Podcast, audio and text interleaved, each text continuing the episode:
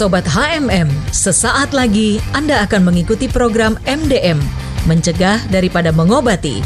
Sebuah program hasil kerjasama antara HMM Radio, GMDM, Pioneer, dan Crown Ministry. Selamat mengikuti. Disiarkan langsung dari kawasan Sentul, Indonesia www.hmmdsradio.net HMM Radio Praise and Worship in Unity. Shalom semua HMM, senang sekali Fanny Olivia bisa menemani Anda tentunya bersama Joyful Time. Dan hari ini sangat spesial karena kita akan mendengarkan talk show bersama MDM Mencegah dan mengobati hasil kerjasama HMM Radio Dengan MDM, Pioneer dan juga Crown Ministry. Hari ini dengan topik mencegah dan mengobati. Dan pastinya saya tidak sendiri Rekan Robert sudah siap memandu MDM Silakan rekan Obet.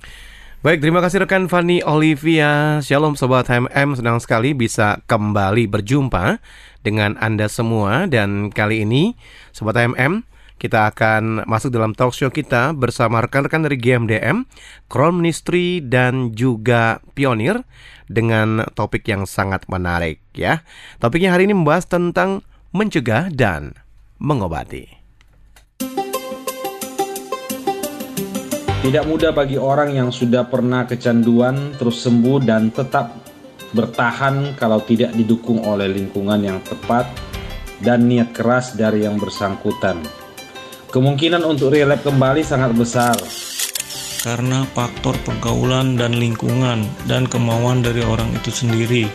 Diperlukan kerjasama antara si pecandu, orang tua, lingkungan, pergaulan, dan kemauan diri pecandu sendiri karena tanpa kemauan untuk berhenti dari si pecandu, maka segala usaha menjadi sia-sia. Yang harus mereka lakukan adalah niat keras untuk sembuh atau terlepas dari jeratan narkoba. Karena beberapa teman saya banyak juga yang jatuh lagi ke dalam narkoba, alasannya tidak jauh dari stres, tekanan hidup, putus pacar, dan lain sebagainya. Membantu mereka memfollow up mereka dalam proses penyembuhan untuk tidak menggunakan narkoba kembali. Thank you. Sobat HMM, topik kita hari ini tentang mencegah dan mengobati. Sudah hadir dua narasumber kita hari ini. Yang pertama ada Bung Ibob David dari Crown Ministry dan juga ada Bung Rio Manik dari GMDM. Saya ingin menyapa dulu Bung Ibob. Ah, videonya nongol nih. Nah, Kalau sobat iya. MM ikut via Zoom bisa lihat senyumannya Bung Rio nih. Nice, Kayaknya hari ini ceria sekali. Ada Bung udah Selalu semangat anaknya ya. sudah itu. Iya, topik kita mencegah dan mengobati. Nah, saya coba ke Bung Ibob dulu nih. Bung Ibob, mencegah itu apa yes. dan seperti apa sebenarnya? Ya, ini menarik kata mencegah. Kita hmm. tahu kalau kita melihat anak kita atau seseorang yang kita kasih, kita cegah untuk sesuatu hal dia melakukan. Kita cegah karena kita sayang sama dia. Hmm. Kita tahu itu bahaya menanti depan dia. Makanya kita cegah. Mencegah ada suatu tindakan yang dilakukan berdasarkan kasih sayang, perhatian kepada orang yang kita kasih, kita cintai, supaya orang itu tidak mengalami yang namanya bahaya atau celaka. Demikian Bung Obed dari saya, iya. kata mencegah. Berarti kan kalau kita ingin melakukan apa, melakukan pencegahan, berarti kan kita juga harus punya informasi nih Bung Ibob mengenai Betul sekali. ya kan apa yang harus dicegah Betul. dan seperti apa gitu mencegahnya. Nah, ya supaya tidak ibaratnya orang itu tidak terlanjur melakukan sesuatu yang tidak baik, bagaimana caranya supaya kita tuh bisa mendapatkan informasi sehingga bisa melakukan pencegahan itu, Bung Ibob? Ya, jadi uh, yang pertama sekali bahwa kita harus mengerti, memahami atau memiliki pengetahuan apa yang mau kita sampaikan, pencegahan apa yang mau kita berikan, yeah. sehingga orang yang kita beritahukan, kita sampaikan mengerti, oh di balik ini ada bahayanya ini ini ini. Oh di ini ada hukumannya ini ini ini. Atau ada tindak pidananya ini ini ini. Jadi ada dampak negatifnya yang kita sampaikan kepada mereka. Ini bahaya loh. Ini yeah. jangan dilakukan. Nah itu dibutuhkan pengetahuan di mana kita harus belajar mengerti, memahami, bahkan terlebih lagi kalau orang bilang riset ya, kita harus riset. Nah jadi nggak sembarangan ngomong. Kalau kita mencegah seseorang berarti kita tahu ada apa di balik itu semua. Demikian Bu Obed. Iya, jadi berarti mencegah ini memang identik dengan hal-hal yang tidak baik yang harus dicegah yes. terlebih dahulu supaya tidak terlalu jauh gitu ya Bung Ibob ya. Betul sekali. Lebih nah. baik mencegah daripada mengobati. Menarik nih penjelasan Bung Ibob. Nah, saya coba ke Bung Rio. Ini coba mengobati nih Bung Rio. Mengobati seperti apa nih yang menurut Bung Rio sendiri? Ya, uh, kalau menurut saya mengobati itu ya adalah kita mengobati itu biasanya sesuatu yang sakit gitu. Yeah. Hmm. Sesuatu uh, identik dengan hal-hal yang sakit gitu. Kita sak ada sesuatu yang sakit harus diobati sehingga dia bisa mengalami kesehatan untuk kemudian hari. Nah, jadi mengobati itu identiknya dengan ya bagi orang yang sakit, yang sakit ada yang sakit jiwanya, ada yang sakit kesehatannya, mm -hmm. dan ada yang sakit pikirannya gitu. Nah itu kalau mengobati itu uh, identik dengan yang sakit gitu. Iya. Yeah. Kamu kan kan kita mengobati yang nggak sakit gitu kan, pasti mengobati pasti identik dengan yang sakit gitu. Nah mm -hmm. dalam dalam arti di GMD mengobati yang sakit itu berarti orang ini yang sudah terkena terinfeksi gitu, terinfeksi narkoba. Yeah. Jadi yang sudah terinfeksi narkoba baru kita obati gitu. Obati yeah. ada caranya dengan cara edukasi, dengan cara dengan obat dengan obat-obat kimia yang sesuai dengan dengan kedokteran atau kesehatan dan ada juga edukasi. Edukasi itu mengobati dengan cara-cara edukasi seperti uh, kayak pencerahan-pencerahan agar jangan menggunakan narkoba agar menjauhi narkoba atau apa pun juga yang identik dengan menjauhi narkoba. Dan dia yang sakit karena telah menggunakan obat terlarang kalau di GMDM ya seperti yeah. itu kalau di kesehatan mata dia mengobati bagi sakit jiwanya dan bagi sakit kesehatannya baik sakit luka maupun sakit-sakit dalam uh, bagian dalam dirinya sendiri gitu. Iya. Nah, Sobat MM perlu kami informasikan bahwa GMDM ini memang garda mencegah dan mengobati, mengobati yang bergerak untuk mencegah dan mengobati mereka yang terlibat dalam penyalahgunaan narkoba. Nah, di sini Bung ya. Rio memang berperan bersama dengan tim GMDM itu mencegah dan mengobati mereka yang terlibat dengan penyalahgunaan narkoba.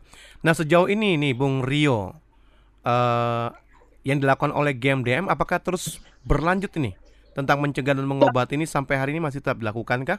Atau bagaimana? Ya, sampai hari ini di kita di seluruh Indonesia uh, apa DPW, DPC, DPD kita terus melakukan hal-hal pencegahan terutama kita lebih lebih uh, condong ke pencegahan ya.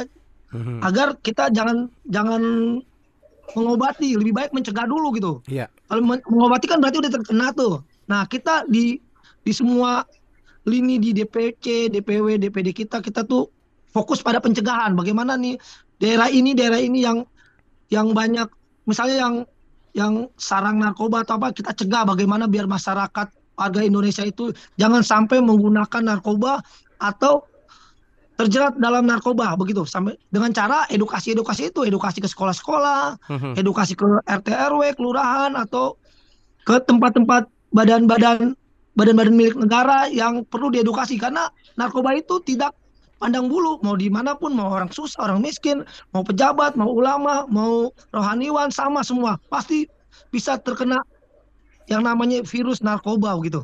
Oh iya pencegahan melakukan edukasi seperti penyuluhan ya Bung Rio ya. Betul penyuluhan penyuluhan nah. penyuluhan ini penyuluhan bagaimana bahayanya narkoba jangan sampai kita menggunakan narkoba ini bahayanya jadi kita cegah kita makanya lebih condong ke pencegahan dulu baru uh-huh. setelah jika ada yang terkena baru kita mengobati jangan sampai kita mengobati dulu gitu lebih yeah. baik kita mencegah daripada mengobati prinsipnya seperti itu iya kalau misalnya melakukan edukasi di sekolah-sekolah kampus-kampus itu memang sudah hmm. Ibaratnya lumrah lah ya untuk dilakukan tapi lumrah, tadi saya, ya. saya sempat mendengar anda mengatakan juga bahwa melakukan edukasi penyuluhan juga di badan-badan lembaga-lembaga negara. Nah itu seperti apa itu, Bung Rio? Dan ya, kenapa kayak, harus dilakukan seperti negara. itu di situ?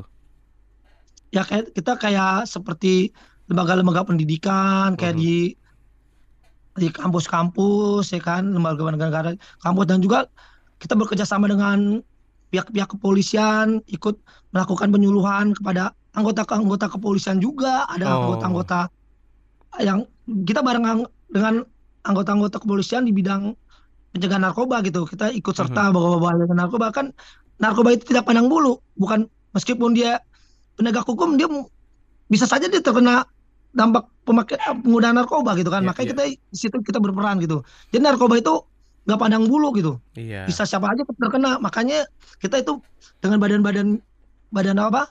Badan-badan milik negara lembaga-lembaga negara kita melakukan edukasi-edukasi dan penyuluhan-penyuluhan anti narkoba begitu. Biasa kita melakukan seminar-seminar seperti itu. Kalau untuk materinya sendiri Bung Rio, apakah sama nih untuk sekolah-sekolah dengan yang tadi Bung Rio sebutkan di lembaga-lembaga pemerintahan? sebenarnya inti inti dari materinya sama. Mhm. Karena materi materi materi penyuluhan itu sama cuma kan beda porsinya gitu untuk misalnya untuk anak sekolah seperti ini apalagi untuk misalnya lembaga-lembaga pemerintahan seperti ini kan mereka itu kan mindsetnya kan beda-beda gitu kan ada yang lebih tinggi ada yang lebih ke sekolah ini ada yang kurang kurang apa kurang tanggap gitu kan kalau biasanya kalau lembaga-lembaga pemerintah tuh biasanya lebih lebih lebih tinggi lah dia lebih Mhm. paham lah jadi kita harus ada ada apa penyuluhan edukasi yang lebih lebih mendetail begitu Hmm, Bang ya. Iqbal. Kalau dengan misalnya ke sekolah-sekolah, misalnya ke sekolah sekolah terutama sekolah anak SM anak. Jadi kalau narkoba itu kan biasanya sekarang mulai dari da, biasanya mulai dari SMP ya, SMP, SMA, eh, sekolah gitu kan. Jadi kita disesuai dengan tingkatan-tingkatannya itu bahwa mereka bagaimana biar mencerna edukasi yang kita berikan, penyuluhan yang kita berikan itu nyambung gitu. Iya, iya. Kalau kita kalau Mhm. kita berikan penyuluhan yang tingkatnya lebih tinggi bagi anak SMP, anak SMP kan nggak mungkin nyambung. Betul. Tapi kita kita cari yang yang sesuai dengan pikiran mereka gitu, yang kehidupan sehari-hari mereka, yang pergaulan-pergaulan mereka nih nar- narkoba jangan begini lah nih permainan-permainan gini jangan nggak bagus loh seperti itu. Jadi ada tingkatan-tingkatannya, tapi intinya sih sama pencegahan narkoba, bahwa narkoba itu jenis-jenis narkoba itu sama gitu. Mhm. Jadi materinya sama, hanya kemasannya disesuaikan ya Betul kemasannya disesuaikan Iya. dengan uh, kebutuhan, tingkat tingkatan kebutuhan juga. dan tingkatan apa pemikiran tangga apa ya, dalam hal menanggapi itu gitu. Mhm. Iya, iya. Menarik nih yang Bung Rio sampaikan. Ya, sebelum kita lanjut dengan Bung Rio, saya coba ke Bung Ibob kali ini. Bung Ibob ini bergerak di Krom Ministry Sobat HMM. Krom Ministry ini adalah eh, sebuah pelayanan yang membina mereka yang tadinya melakukan penyalahgunaan narkoba, kemudian juga orang-orang yang mungkin saja putus harapan tetapi dikembalikan untuk memiliki gambar diri yang benar. Nah, nanti Bung Ibob sendiri bisa jelaskan. Cuma saya ingin bertanya ke Bung Ibob, kalau untuk Crown Ministry ini cara mencegah dan mengobati apa nih? Kalau eh, GMDM kan narkoba. Kalau untuk Crown Ministry sendiri apa yang dicegah dan apa yang diobati nih, Bung Ibob? Silakan, Bung. Ya, jangan pernah lupa Crown ini adalah mitra lekat dari GMDM. Ya. Justru kita hadir membantu GMDM dari sisi kerohanian, Hmm. dari sisi eh, mental atau spiritual. Jadi kita hadir, kita ada itu untuk menyampaikan, melayani mereka. Contoh, ketika mereka direhab, kita memberikan motivasi, kita mengajarkan value, nilai, termasuk tadi gambar diri, lalu meng- memberikan mereka arahan bahwa di depan sana masih ada harapan, masih ada masa depan untuk hidup mereka lebih baik lagi. Di sana masih ada peluang, kesempatan, tepatnya membangkitkan spirit mereka. Jadi mencegah orang-orang ini putus asa, minder atau mencegah balik lagi ke narkoba dengan cara apa mencegahnya memberi motivasi memberi Hmm. dukungan memberi spiritual kepada mereka minimal bahasanya itu pendampingan Iya. orang bilang namanya eh, mentoring nah seperti itu Pak Eh, Iya. yang kita lakukan mengobatinya deh lewat eh, kebenaran firman Tuhan lewat motivasi lewat kata-kata yang membangun mereka seperti itu Hmm. Pak Jadi memang kalau Bung Ibob dan teman-teman di Crown Ministry ini lebih ke arah rohaninya mungkin ya, Bung ya, betul yang spiritual ya diobati begitu ya. Oh, iya, spiritual dan mentalitas mereka, Men- iya. kerohanian mereka dan pikiran mereka. Seperti itu Bung Obed. Nah, sebenarnya kalau misalnya anak-anak narkoba ini yang Bung Ibob dan teman-teman sering Mm. lihat, seperti Mm. apa kerohanian mereka, kemudian mental mereka itu pada saat Iya. pertama kali Bung Ibob dan teman-teman dampingi seperti apa, Bung? Ya, rata-rata biasanya mereka ya minta maaf, tidak ada bermaksud apa-apa. Rata-rata mereka jauh dari Tuhan. Hmm. Artinya mereka tidak memiliki hubungan kedekatan dengan Tuhan secara pribadi. Nah, itu makanya GMDM sudah menyampaikan dari tiga pilarnya dia. Yang pertama, keluarga adalah pertahanan yang utama. Mhm. Kedua, hubungan dengan Tuhan itu menjauhkan kita dari narkoba. Yang ketiga adalah uh, hubungan kita, aktivitas kita dengan masyarakat atau organisasi kemasyarakatan itu juga membuat kita mencegah atau menjauh dari narkoba. Jadi tiga hal itu keluarga Tuhan dan juga masyarakat itu mencegah kita untuk berhubungan dengan narkoba. Sebenarnya seperti itu Bung Obed. Jadi kalau orang kena narkoba berarti kemungkinan besar salah satu dari itu atau tiga dari itu tidak dilakukan sama orang itu. Gitu Bung Obed. Iya. Jadi memang harus keseluruhannya dilakukan ya Bung Ibob ya? Iya idealnya gitu. Iya. ideal idealnya gitu Bung. Harus dilakukan. Ada kasih sayang, perhatian dari keluarga, yeah. ada hubungan yang intim dengan Tuhan secara pribadi, ataupun juga aktivitas dengan kegiatan yang positif dalam lingkungan masyarakat, entah karang taruna, entah ronda, entah kerja bakti, entah gotong royong, seperti itu Bung Obed. Idealnya. Idealnya. Nah sejauh yes. ini yang Bung Ibob dan tim lihat, apakah ketiganya itu biasanya dilakukan atau bagaimana nih Bung? Uh, Maksudnya gimana kepada para pecandu para, iya, atau pemakai? Para iya, pemakai kan, penyalahguna itu yang ibaratnya didampingi iya, oleh teman-teman Crown? Iya, jadi hampir rata-rata tadi dikatakan kemungkinan besar bisa salah satu itu tidak dilakukan atau kemungkinan besar tiga-tiganya tidak dilakukan, Bung. Hmm. Jadi kalau ada salah satu tidak dilakukan atau tiga tidak dilakukan, mereka bisa terkena narkoba. Seperti itu, Bung. Hmm. Makanya urutannya yang utama adalah keluarga. Hubungan, perhatian, kasih sayang keluarga itu penting dari seorang ayah dan seorang ibu kepada anaknya. Hmm. Ini penting yang pertama. Kedua, rohaniawan, pendeta, kiai, haji, ustadz ataupun juga pastor atau siapa pun punya peranan bagaimana anak-anak muda ini mereka bisa cinta Tuhan, kenal Tuhan dan takut Tuhan. Mereka cinta Tuhan dan mereka juga takut Tuhan. Nah, itu dia. Nah ini penting kalau mereka sudah lakukan hal ini, mereka akan menjaga diri mereka. Mereka tahu mana yang benar, mana yang salah. Dan yang ketiga, kalau mereka sudah beraktivitas aktif di uh, masyarakat Karang Taruna, Ronda, Gotong Royong, apa pun mereka akan mencegah, ah malu ah buat dosa atau malu ah buat kesalahan. Oh ini narkoba nggak benar nih nggak baik. Nah itu akan mencegah juga Bung Obed. Hmm. Tiga hal itu penting tiga-tiganya. Iya. Nah. Iya cukup uh, berat juga nih tugas Bung Ibob dan teman-teman di Crown Ministry untuk mengembalikan yeah. mereka yang sudah jatuh dalam penyalahgunaan narkoba untuk menjadi pribadi yang lebih baik pastinya ya Bung Ibob ya. Amin, amin. Nah, kalau amin. untuk Ministry apakah juga ada membangun hubungan dengan keluarga ini untuk agar bisa tiga pilar ini juga dilakukan begitu, Bung? Justru uh, kita bersyukur bahwa kita dipercayakan untuk mementoring mereka. Jadi mereka yang direhab, lalu mereka dikembalikan ke keluarga. Nah, kita bisa datang, bisa berkunjung, kita bisa berkomunikasi dengan mereka yang membuka diri untuk membangun hubungan. Hmm. Artinya uh, membuka diri untuk dimentor. Seperti itu, Bung Obed. Yeah. Jadi kita bisa masuk aksesnya ke keluarga mereka, kita bisa masuk kepada anaknya, kepada orang tuanya. Jadi pasti ada hubungan dengan keluarga. Seperti itu Bung Obed. Iya, jadi ada hubungan dengan keluarga. Uh, Betul. Secara bimbingan rohani juga berarti diberikan gitu ya Bung Ibob ya. Betul sekali. Ya, ya. Uh, suatu hari kita diminta datang ke daerah sekitar uh, Klender atau Buaran.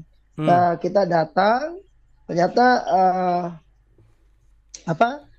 Pihak suaminya ini ternyata masih pakai narkoba. Setelah pulih direhab masih pakai narkoba istrinya sedih banget dan akhirnya kita datang kita layanin kita datang kita layanin kita sampaikan yeah. dan supaya kembali lagi seperti semula eh puji Tuhan akhirnya suami istri ini sudah berusaha sudah diberkati Tuhan bahkan tanda kutip ya sukses lah sekarang Nah seperti itu Bung Obed iya, sebenarnya. Jadi ada hasil ya yang sudah dilakukan oleh Crown Betul.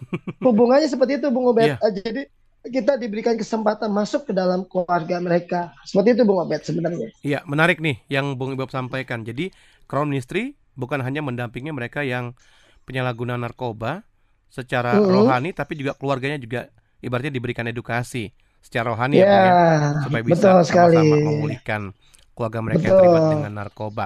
Nah, saya coba kembali ke Bung Rio. Kalau untuk game DM sendiri bagaimana nih, Bung Rio? Apakah juga ada uh, ibaratnya rangkulan ke keluarga supaya maksudnya keluarga juga mengerti nih tentang apa yang dihadapi oleh si korban penyalahgunaan narkoba ini. Apakah ada seperti itu juga Bung Rio seperti yang dilakukan oleh Crown Ministry? Ya, uh, kalau di game game sama seperti yang dilakukan Crown Ministry karena kan kita kan nama Crown Ministry itu bers apa bersinergi kerjasama gitu. Hmm. Jadi ada juga yang da yang orang-orang dari Crown Ministry yang yang yang selalu memberikan penyuluhan kepada korban-korban yang betul, bekas betul kita sekali. apa kita ya. kita di kita apa kita obati di tempat kita tempat di PWL kita gitu kan tempat tempat apa tempat pengobatan bagi bagi pengguna narkoba di tempat kita dan dari salah satunya dari Crown Ministry yang sering membantu kita kita melakukan penyuluhan dan memberikan edukasi kepada korban-korban dan ke keluarganya begitu Bang Obed. Hmm, ya ya ya. Jadi memang karena bersinergi itu ibaratnya hmm. tugas-tugasnya hampir sama gitu ya. Hampir sama, iya. Hmm. Tapi secara spesifiknya untuk GMDM untuk pendampingan yang lain mungkin secara hukum begitu? Oh iya ada. Kita kita punya pendampingan secara hukum. Misalnya pendampingan pendampingan secara hukum misalnya bagi mereka yang pengguna narkoba atau korban-korban ya yang pengguna narkoba yang terjerat hukum kita ada pendampingan hukum juga gitu kan. Pendampingan hukum dari mm -hmm. ada kita kan punya punya bidang hukum di kalau nggak salah bidang hukum dan kepengurusan itu di uh, deputi tiga dah dia biasanya menangani bidang hukum dan apa uh, mendampingi para para pengguna narkoba yeah untuk menghadapi apa menghadapi masalah-masalah hukum dalam persidangan maupun apa agar mereka itu bisa direhab direhabilitas direhabilitasi daripada di penjara seperti itu Bung Obed. Iya. Jadi memang luar biasa nih sobat HMM apa yang dilakukan oleh GMDM juga Crown Ministry. Kalau saya bisa melihat uh, mendengarkan dari penjelasan baik uh, Bung Ibob dan juga Bung Rio bahwa kalau GMDM ini mendampingi secara fisik mungkin ya. Kalau ya. Crown Ministry ini lebih condong ke hal-hal rohani begitu ya. Jadi bersinergi hmm. intinya untuk menyelamatkan mereka korban penyalahgunaan narkoba. Nah, sobat HMM, perbincangan kita hari ini sangat menarik dan akan lebih menarik lagi tentunya. Bung Ibob dan juga Bung Rio masih akan terus bersama-sama dengan kita. Tapi sebelumnya Sebelum kita lanjut dengan perbincangan kita, saya coba kembalikan dulu ke rekan Fanny Olivia. Silakan. Baik, rekan Obet, perbincangan yang sangat luar biasa, mencegah dan mengobati. Berarti nggak melulu bicara soal narkoba, tapi juga segala sesuatu yang memiliki dampak yang nggak baik. Dan memang betul mencegah lebih baik daripada mengobati. Dan Sobat MM, Fanny eh, mau menyapa dulu nih buat yang sudah bergabung bersama MDM. Ada Sobat MM yang di Bekasi, saya ucapkan shalom. Juga ada juga di uh, Bangka Belitung, Yogyakarta, lalu di Rangkas Bitung dan Nusa Tenggara Timur. Tidak ketinggalan juga ada di Kuala Lumpur, Malaysia. Ya Sobat MM sebelum perbincangan semakin seru dan sebelum kita berjalan lagi ke segmen selanjutnya, kita dengar dulu pujian yang satu ini. Menurut saya, yang pertama adalah kita harus menerima mereka seperti Tuhan Yesus menerima kita apa adanya. Karena penerimaan itulah yang membuat dia merasa bahwa dirinya itu berharga. Dan yang kedua, setelah kita menerima dia, kita harus bergaul. Kalau bisa kita mementoring, kita jadikan mereka murid supaya mereka tidak terhilang dari uh, penjangkauan kita untuk membawa mereka kembali kepada Tuhan. Dan yang paling terakhir adalah jangan pernah menghakimi mereka, tapi terus arahkan mereka. Kalau bisa kita mendorong mereka untuk mengembangkan potensi mereka yang mereka miliki. Yang harus dilakukan untuk menyelamatkan generasi adalah mulai dari lingkungan keluarga, peran orang tua, didikan, arahan, serta nilai-nilai yang harus ditanamkan sejak kecil itu harus benar-benar menjadi hal yang penting untuk menyelamatkan generasi berikutnya supaya setelah mereka besar generasi muda adalah generasi yang uh, bersemangat, generasi kreatif bisa menyalurkan hal-hal yang positif untuk uh, lingkungannya. Yang ketiga adalah pergaulan. Pergaulan itu penting karena pergaulan yang buruk merusak kebiasaan yang baik. Jadi untuk menyelamatkan generasi ini sangat diperhatikan untuk dengan siapa kita bergaul, apa yang kita lakukan. www.hmmdsradio.net HMM Radio Praise and Worship in Unity. Sobat HMM masih bersama MDM Mencegah dan Mengobati.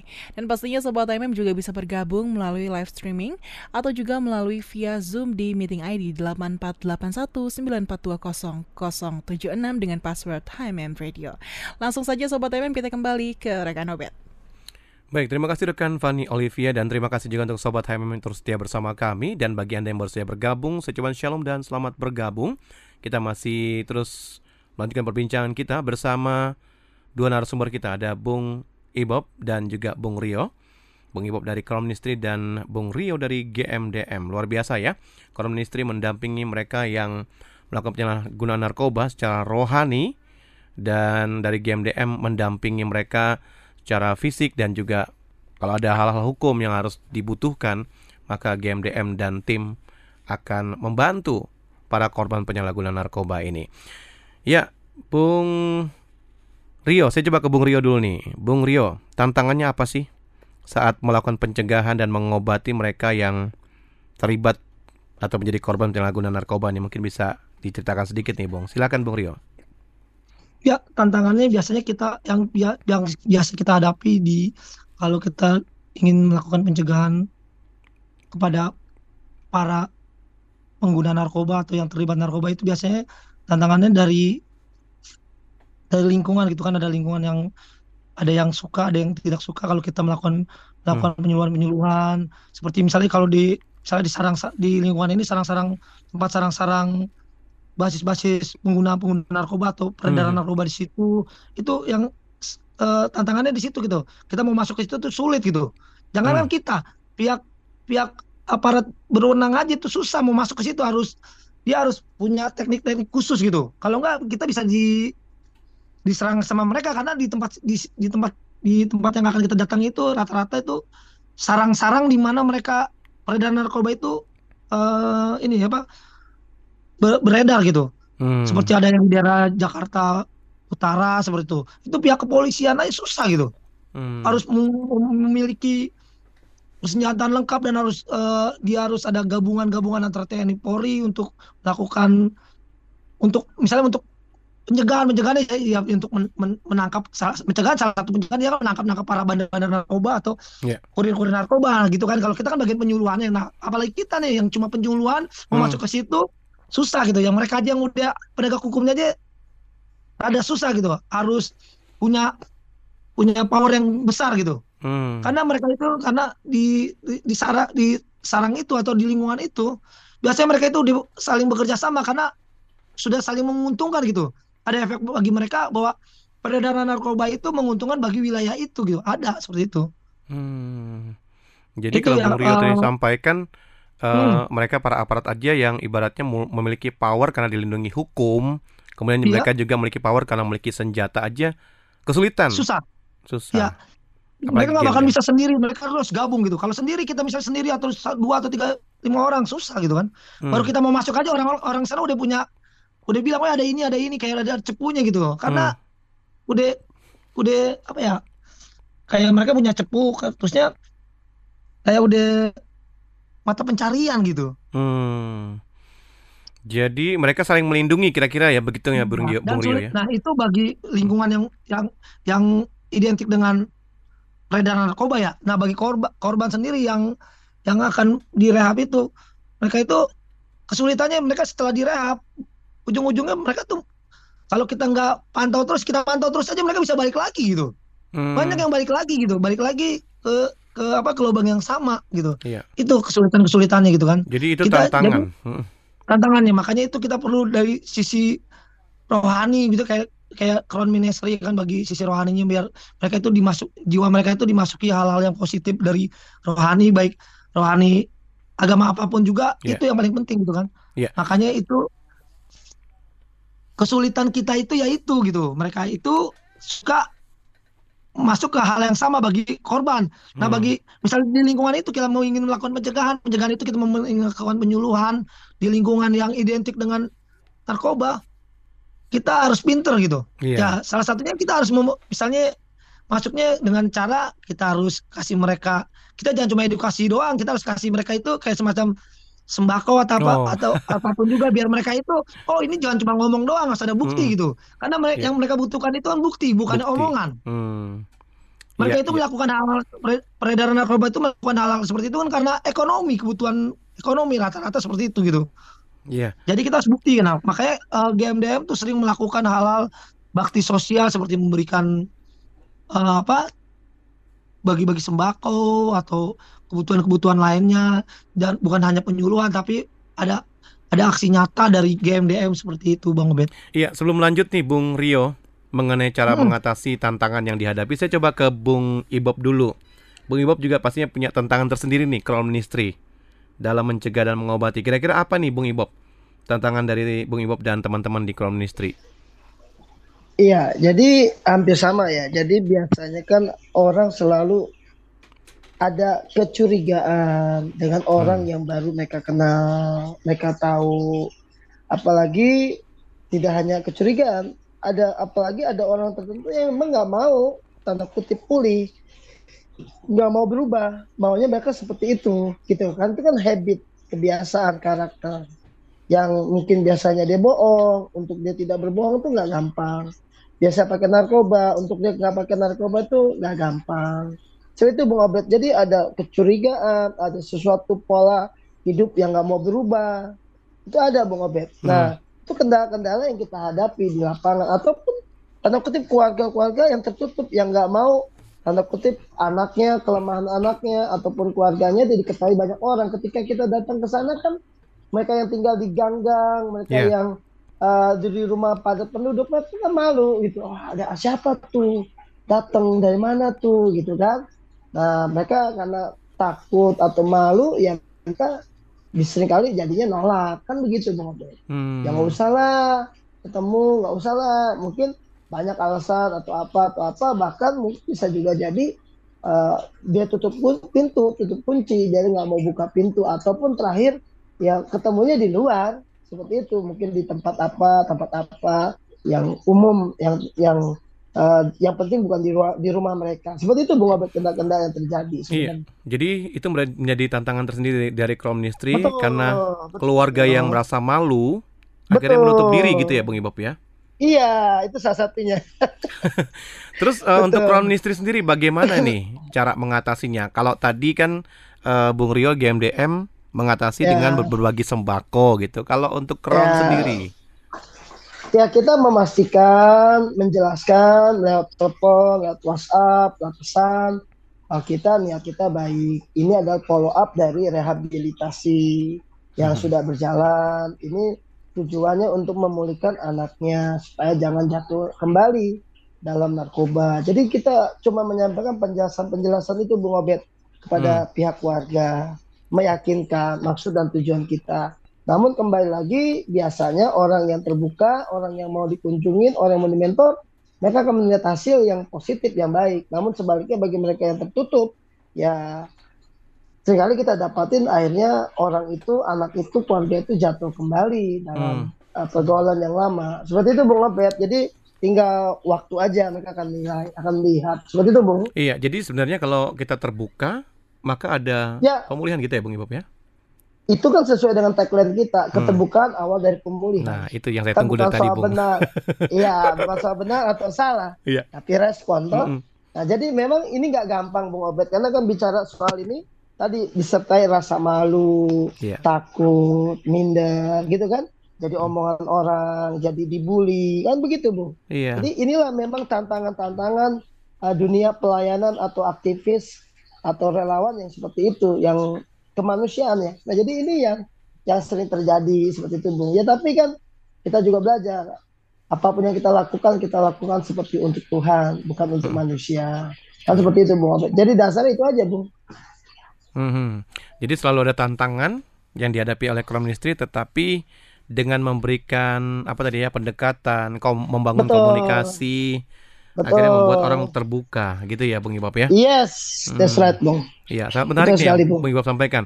Nah, saya kembali ke Bung Rio nih. Bung Rio tadi yang Anda sampaikan juga untuk agar orang itu bisa menerima teman-teman GMDM, melakukan edukasi dan penyuluhan apalagi nih di sarangnya para pemakai narkoba bahkan ada bandarnya tadi bagi sembako. Nah sejauh ini yang dilakukan game DM itu apakah udah bisa gitu menarik simpati mereka nih, Bung Rio, untuk mereka bisa di, diedukasi, diberikan penyuluhan begitu?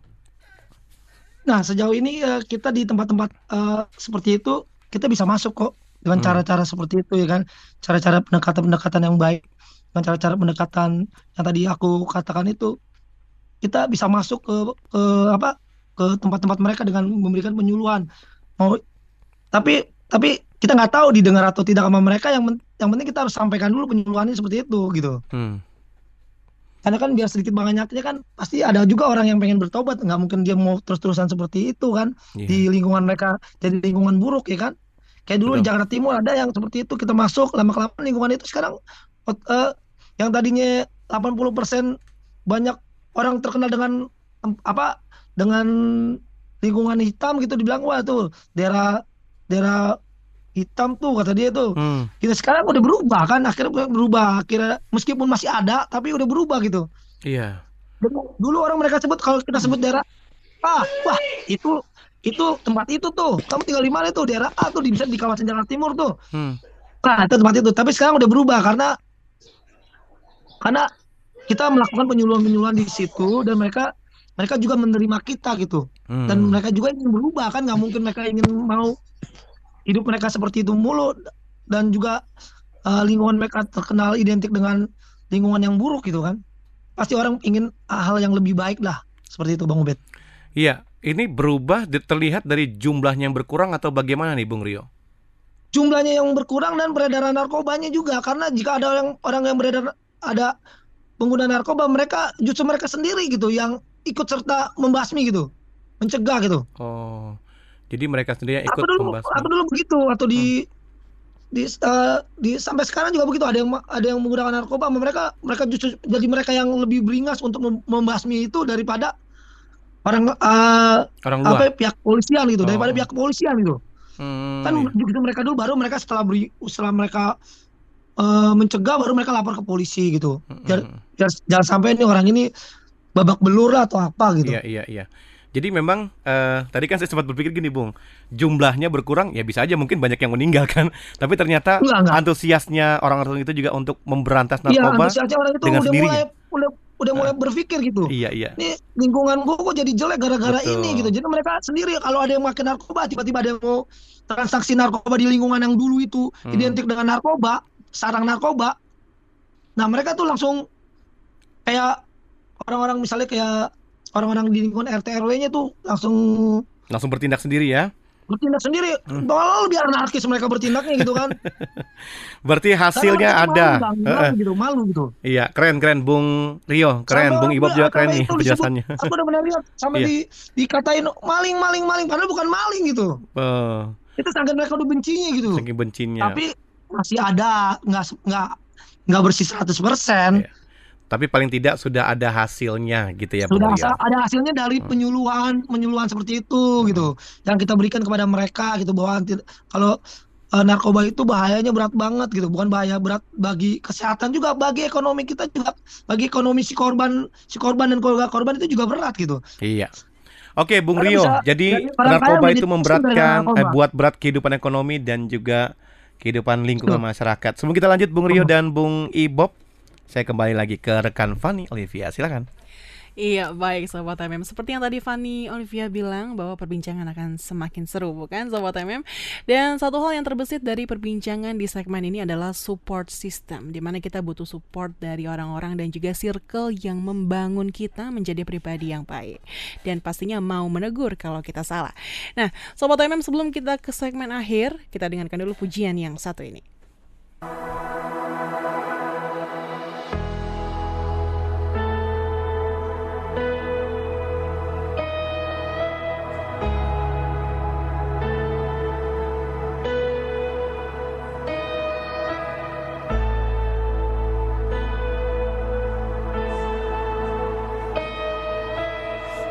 just want to speak the name of Jesus over every heart and every mind. Cause I know there is peace within your presence. I speak Jesus.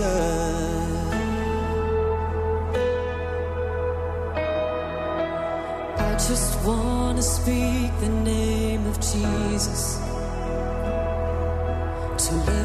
dark addiction starts to break. Declaring there is hope and there is freedom. I speak Jesus.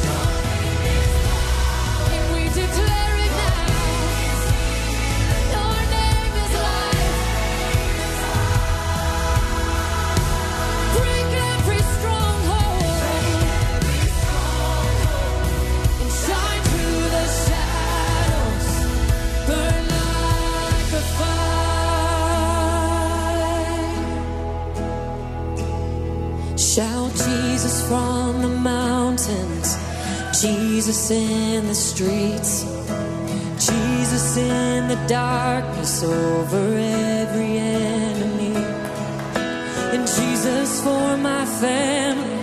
I speak the holy name, Jesus.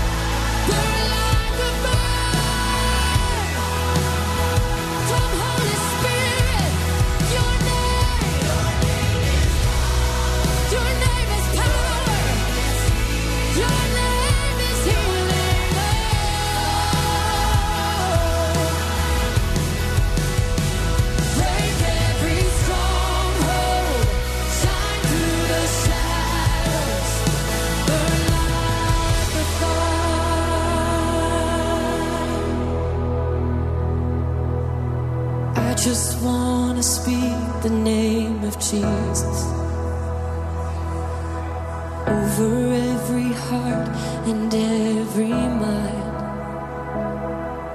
Cause I know there is peace within your presence.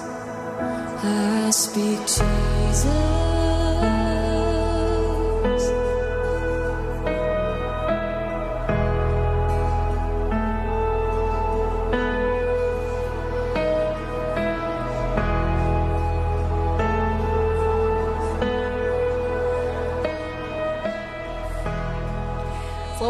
masih bersama MDM Mencegah dan Mengobati Fani ucapkan shalom buat pendengar HMM Radio yang bergabung melalui streaming Dan shalom juga untuk Anda yang ada di Pangkal Pinang, Kupang, Sukoharjo dan juga di Bangka. Terima kasih Sobat MM masih mendengarkan MDM Mencegah dan Mengobati. Dan Sobat MM langsung saja kita kembali ke segmen akhir daripada MDM Mencegah dan Mengobati. Silakan rekan Obet. Baik, terima kasih rekan Fani Olivia dan Sobat HMM. Luar biasa talkshow kita perbincangan hari ini bersama dengan Bung Ibob dari Komnistri dan juga Bung Rio dari GMDM. Mereka bercerita tentang topik kita hari ini mencegah dan mengobati mereka para korban penyalahgunaan narkoba. Ada tantangan yang mereka hadapi, tapi juga ada solusi yang mereka berikan untuk menyelamatkan para korban penyalahgunaan narkoba ini. Dan apa yang mereka lakukan selalu ada hasil, walaupun mungkin ada juga eh, hal-hal uh, yang tidak sesuai dengan apa yang mereka inginkan dihasilkan, tetapi mereka akan tetap tetap terus bergerak ya baik Bung Rio bersama dengan tim GMDM dan juga Bung Ibob bersama dengan Kronistri. Nah, saya coba ke Bung Ibob tinggi kali ini menghadapi uh, tadi kan kita sudah dengarkan tantangan kemudian juga cara mengatasinya.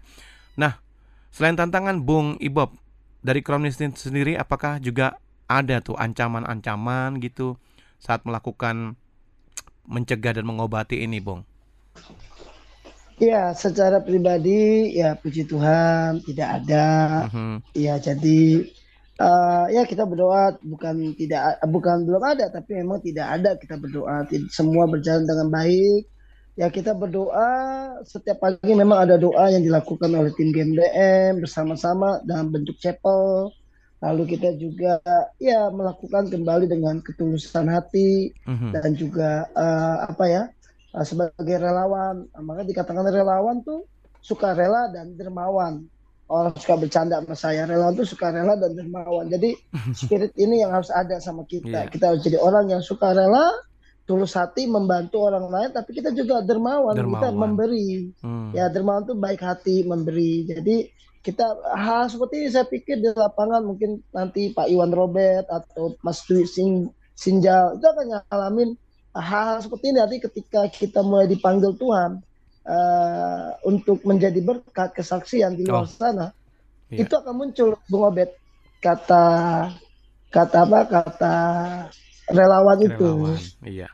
Uh, jadi aktivis relawan itu karena memang dipanggil untuk melayani sebenarnya dipanggil dari kegelapan menuju terangnya yang ajaib, nah, kita ya. Eke, ya kita eklesia yang hmm. membawa terang Tuhan menceritakan perbuatan Tuhan yang besar seperti itu Bung Obed Iya. Yang saya bisa sampaikan. Jadi puji Tuhan ya Bung Ibobnya tidak ada ancaman tetapi tetap saja melakukan satu dengan hal yang baik. Tantangan selalu ada Betul. tapi selalu ada solusi untuk mengatasinya.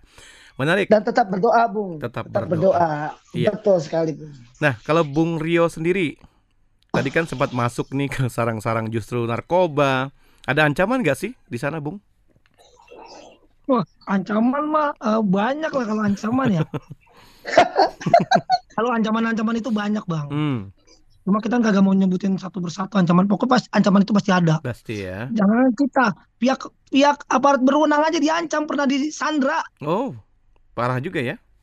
Parah. Kalau makanya kita harus melakukan pendekatan-pendekatan itu dengan cara-cara yang bagus gitu. Yang tadi hmm. saya bilangin dengan cara-cara kita harus jangan cuma ngasih mau ngasih penyuluhan doang tapi kagak ada actionnya gitu kan kalau cuma ngomong doang mas semua orang bisa ngomong iya iya makanya kita di game game itu jangan cuma ngomong doang yang penting ada action gitu action, action. itu ya itu salah satunya mm-hmm. kita peduli, peduli kepada lingkungan itu peduli kepada kor, apa uh, uh, korban pengguna narkoba itu gitu Iya. Kalau cuma ngomong-ngomong doang kagak peduli, mereka cuma bilang ah ini mah biasa yang uh, banyak kok aktivis-aktivis modelan begini kata mereka mm-hmm. begitu kan. Iya. Saya kalau ancaman-ancaman itu banyak ya lu jangan coba-coba gini ya, jangan nah, disamperin lah, jangan gini lah, jangan gitulah.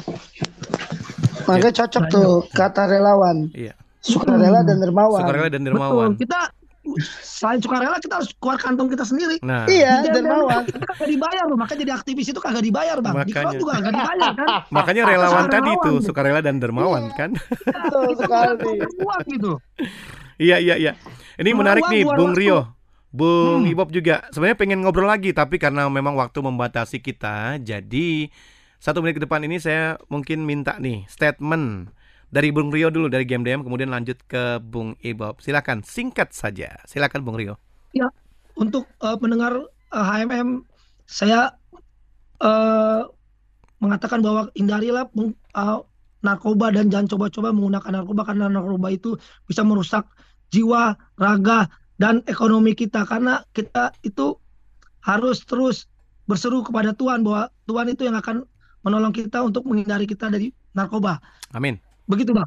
Baik, terima kasih Bung Rio. Lanjut ke Bung Ibob, silahkan. Mencegah lebih baik daripada mengobati. Sedia payung sebelum hujan.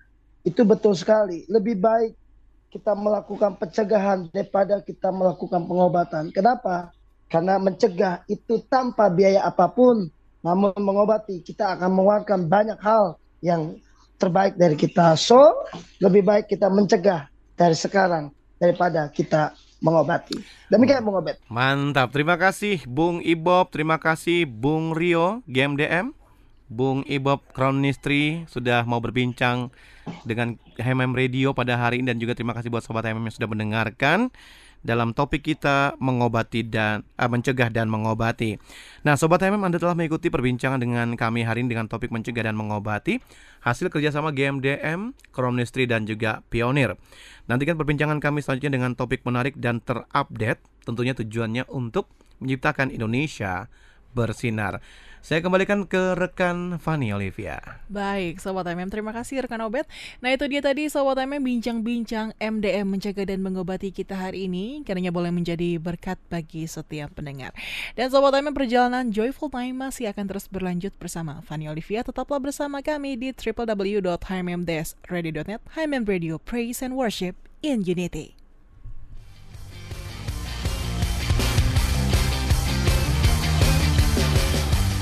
Sobat HMM, Anda baru saja mengikuti program MDM, Mencegah Daripada Mengobati, sebuah program hasil kerjasama antara GMDM, Pioneer, Crown Ministry, HMM Radio.